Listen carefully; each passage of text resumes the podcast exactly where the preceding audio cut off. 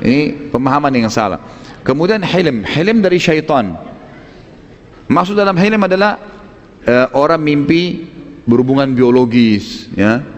Orang mimpi berzina, orang mimpi mabuk-mabuk, ya. Orang mimpi mencuri, ya. Orang mimpi hal-hal yang berbau maksiat itu namanya dari hilm, dari syaitan. Bismillahirrahmanirrahim. Jadi ada ru'ya sadiqah. Bisa datang kepada orang beriman, memberikan peringatan kepada dia, gitu kan? Dan kalau datang peringatan itu sebagai peringatan, artinya bisa saja kalau misal seseorang mimpi dia melihat sesuatu yang tidak baik, maka bisa saja dia nanti menjadikan itu sebagai tolak ukur untuk menyelamatkan dirinya. Contoh yang lain, kata sebagian ulama dalam masalah takwil mimpi ini, e, kalau seandainya seseorang mimpi hewan-hewan yang disuruh dibunuh dalam Islam. Ya seperti contoh misalnya orang mimpi ular kala jengking ya. Orang mimpi e, tikus ya. Cecak yang memang disuruh bunuh.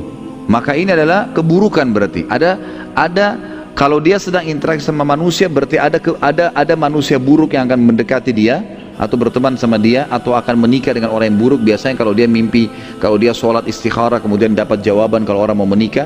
Kalau dia mimpi ada tikus yang menggigit bajunya atau mendekati kakinya atau ular ini menandakan berarti buruk apa yang akan dia langkahi gitu.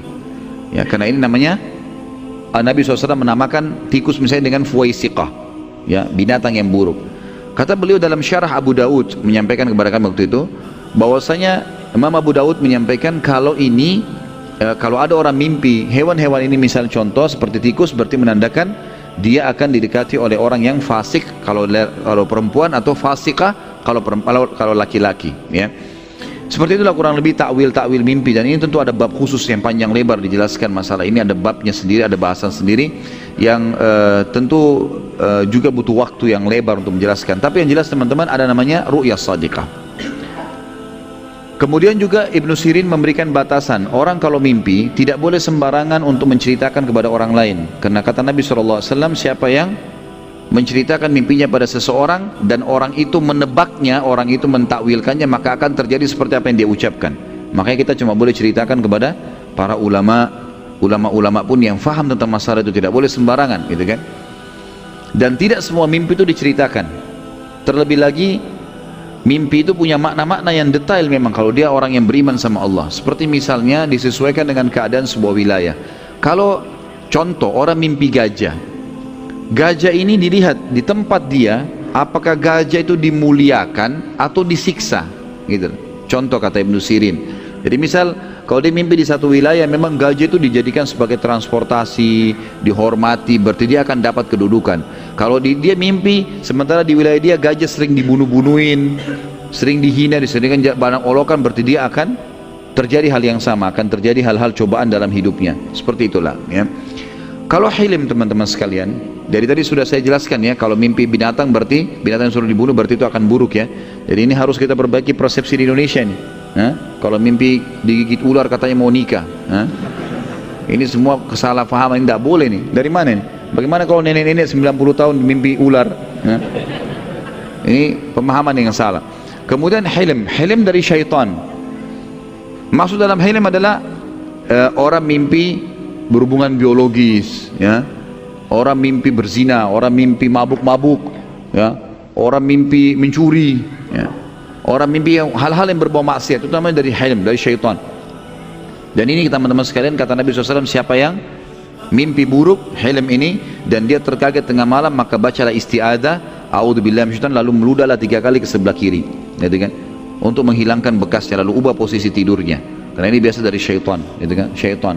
Jadi kalau misalnya kita lihat seseorang lalu kemudian kita tertarik sama dia makanya kita disuruh gudul basar turunkan pandangan mata gitu kan? Karena syaitan bisa tunggangi nanti bisa didatangkan dalam mimpi.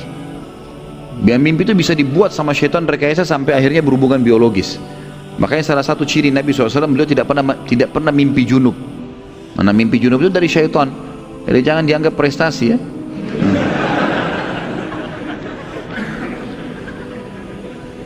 Jelas sampai sini ya? Masih kuat gak duduk ini? Benar. Bilang kalau sudah capek ya. Lanjut nggak? Baik. kita sekarang masuk teman-teman sekalian ke proses penobatan kenabian. Jadi sudah selesai tadi penjelasan kita panjang lebar tentang fase-fase sebelum kenabian di mana Nabi Shallallahu Alaihi Wasallam punya banyak kelebihan dan di mana Allah Subhanahu Wa Taala mendidik beliau untuk itu. Ya. Baik kita masuk sekarang prosesi penobatan kenabian. Setelah berjalannya masa khalwah ini, Nabi SAW suka khalwah. Di masa penobatan kenabian di bulan Ramadan tepatnya 26 hari Nabi SAW tinggal di gua Hira itu. 26 hari. Jadi malam ke-27 nya di malam harinya di malam 27 Ramadan itu Allah subhanahu wa ta'ala mendatangkan kepada Nabi SAW pada saat itu menjelang subuh ya sudah menjelang subuh poster manusia tiba-tiba muncul. Tadinya sunyi sekali dan Nabi SAW berada di, di puncak gunung. Berarti siapa pun yang naik kelihatan. Gak ada yang naik di sini. Tiba-tiba orang itu datang ya tidak seperti menaiki gunung muncul di hadapan Nabi SAW menggunakan baju putih kemudian langsung bicara dengan Nabi SAW dalam riwayat Bukhari Nabi SAW mengatakan telah datang kepadaku seseorang yang menggunakan pakaian yang putih bersih dan di tangannya terdapat sebuah kotak yang terbungkus dengan sutra dan di dalamnya terdapat sebuah buku. Lalu orang itu berkata bacalah wahai Muhammad. Aku berkata aku tidak bisa membaca. Lalu orang itu memelukku dengan sangat keras seakan-akan ruhku akan keluar. Lalu ia melepaskanku dan berkata lagi bacalah wahai Muhammad. Aku berkata yang kedua kali aku tidak bisa membaca Lalu orang itu memelukku yang ketiga kalinya, yang selanjutnya dengan sangat keras, yang kedua kalinya dengan sangat keras, sampai ruhku seakan-akan mau keluar. Lalu ia melepaskanku dan berkata, bacalah wahai Muhammad. Aku berkata lagi, aku tidak bisa membaca. Lalu orang itu kembali memelukku dengan sangat keras, sampai ruhku seakan-akan keluar. Lalu, aku, lalu dia berkata lagi, bacalah wahai Muhammad. Lalu aku mengubah pertanyaanku mengatakan, apa yang harus aku baca? Maka lalu orang itu pun berkata membaca surah Al-Alaq 5 ayat pertama, surah nomor 96 ayat 1 sampai ayat 5. A'udzu billahi minasyaitonir rajim. Iqra bismi rabbikal ladzi khalaq. Khalaqal insana min 'alaq. Iqra wa rabbukal akram alladzi 'allama bil qalam 'allamal insana ma lam ya'lam. Bacalah hai Muhammad dengan menyebut nama Tuhanmu yang menciptakan dia telah menciptakan manusia dari segumpal darah. Bacalah dan Tuhanmu lah yang maha pemurah. Maksudnya disuruh baca Al-Quran. Pada saat diturunkan nanti baca selalu Al-Quran itu. Jadikan sebagai pegang hidupmu. Yang mengajarkan manusia dengan perantara kalam, penulisan. Yang mengajar untuk menulis dengan pena. Dia telah mengajarkan kepada manusia apa yang tidak diketahui oleh mereka. Setelah turun ayat ini teman-teman sekalian, tiba-tiba saja Jibril alaihissalam yang datang tadi menjelma jadi manusia itu hilang hilang tiba-tiba di hadapan Nabi SAW bayangkan teman-teman secara manusiawi kita kalau di posisi baginda Nabi SAW di gua tengah malam sendirian selalu sudah selama 26 hari itu sudah tahu tidak ada orang di situ. Nggak ada yang tahu juga beliau di situ gitu kan? Maka beliau pun tiba-tiba melihat ini di tengah malam dan orang itu datang menyuruh baca lalu pergi. Alami sekali Nabi SAW ketakutan. Merasa ketakutan ini apa yang terjadi? Lalu Nabi SAW segera bergegas mengambil bekal beliau lalu turun dari gunung. Tentu turun dari gunung ini waktu juga gitu kan? Sekarang ini Jabal Nur kalau ada setapak-setapak kaki kalau orang mau naik pun mungkin butuh setengah jam lebih sampai ke atas sana atau bahkan lebih mungkin 40 menit karena tingginya. Zaman Nabi SAW belum ada setapak jalan beliau turun. Intinya dalam riwayat dikatakan beliau turun dengan sangat cepat berusaha turun. Waktu tiba di bawah langit sudah mulai agak cerah.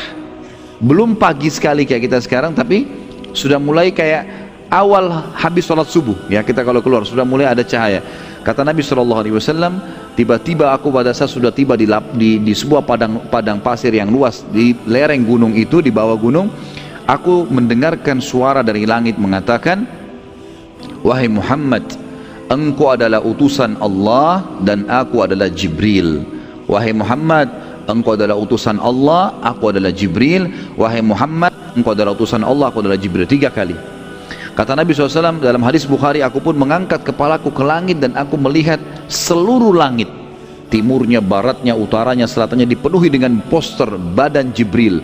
Ya.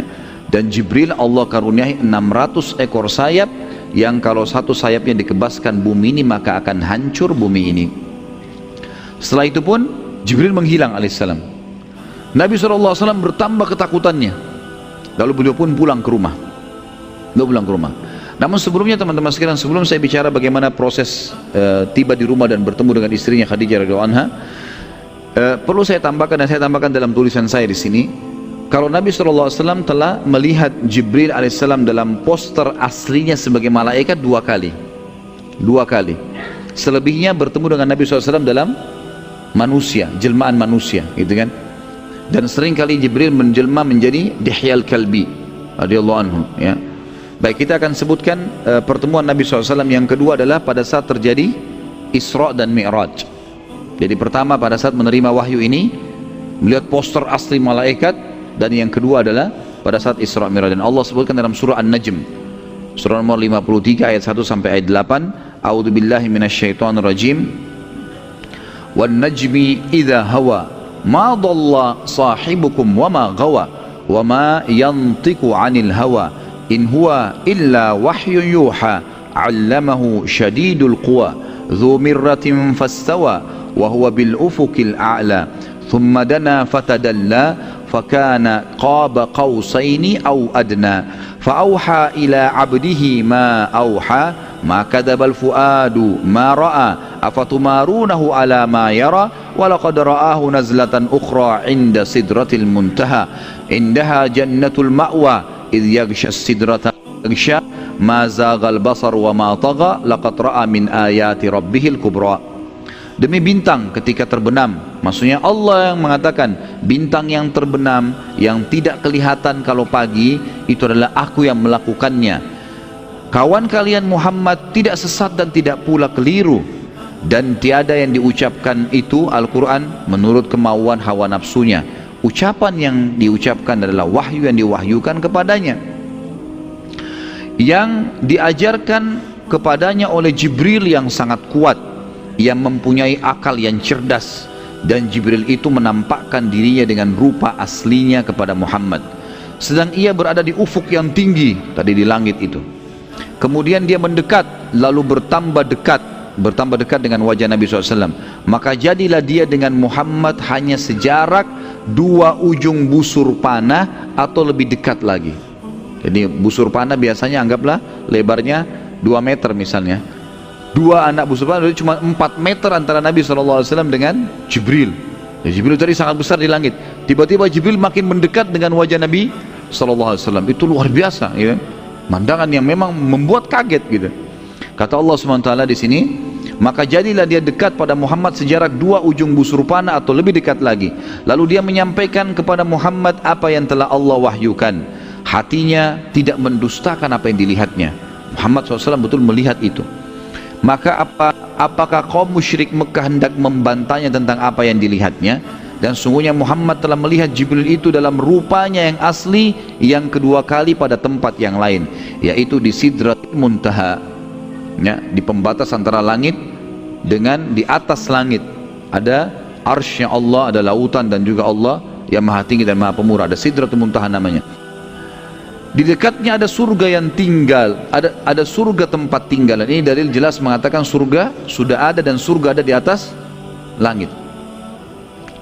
Yang dikatakan Muhammad melihat Jibril ketika Sidratul Muntaha diliputi oleh sesuatu yang meliputinya penglihatan Muhammad tidak berpaling dari yang dilihatnya itu dan tidak pula melampauinya sesungguhnya dia telah melihat sebagian tanda-tanda kekuasaan Tuhannya yang paling besar.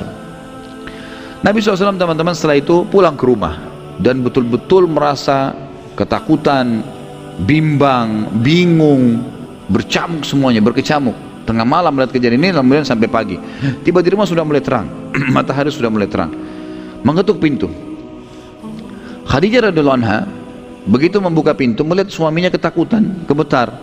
Dan ini saya pernah jelaskan dalam masalah rumah tangga teman-teman sekalian. Ada beberapa materi di YouTube masalah rumah tangga manajemen rumah tangga Islami bagaimana adab seorang istri pada suaminya. Di antaranya karena bertepatan masalah ini. Khadijah radhiallahu anha sama sekali tidak curiga tidak menghardik, tidak menyalahkan. Pada dalam kondisi suami pulang pagi-pagi dan kemudian gemetaran dan keringatan seperti ini. Kadang-kadang subhanallah cuma satu tetes noda di bajunya saja dari mana nih? Sudah curiga gitu kan.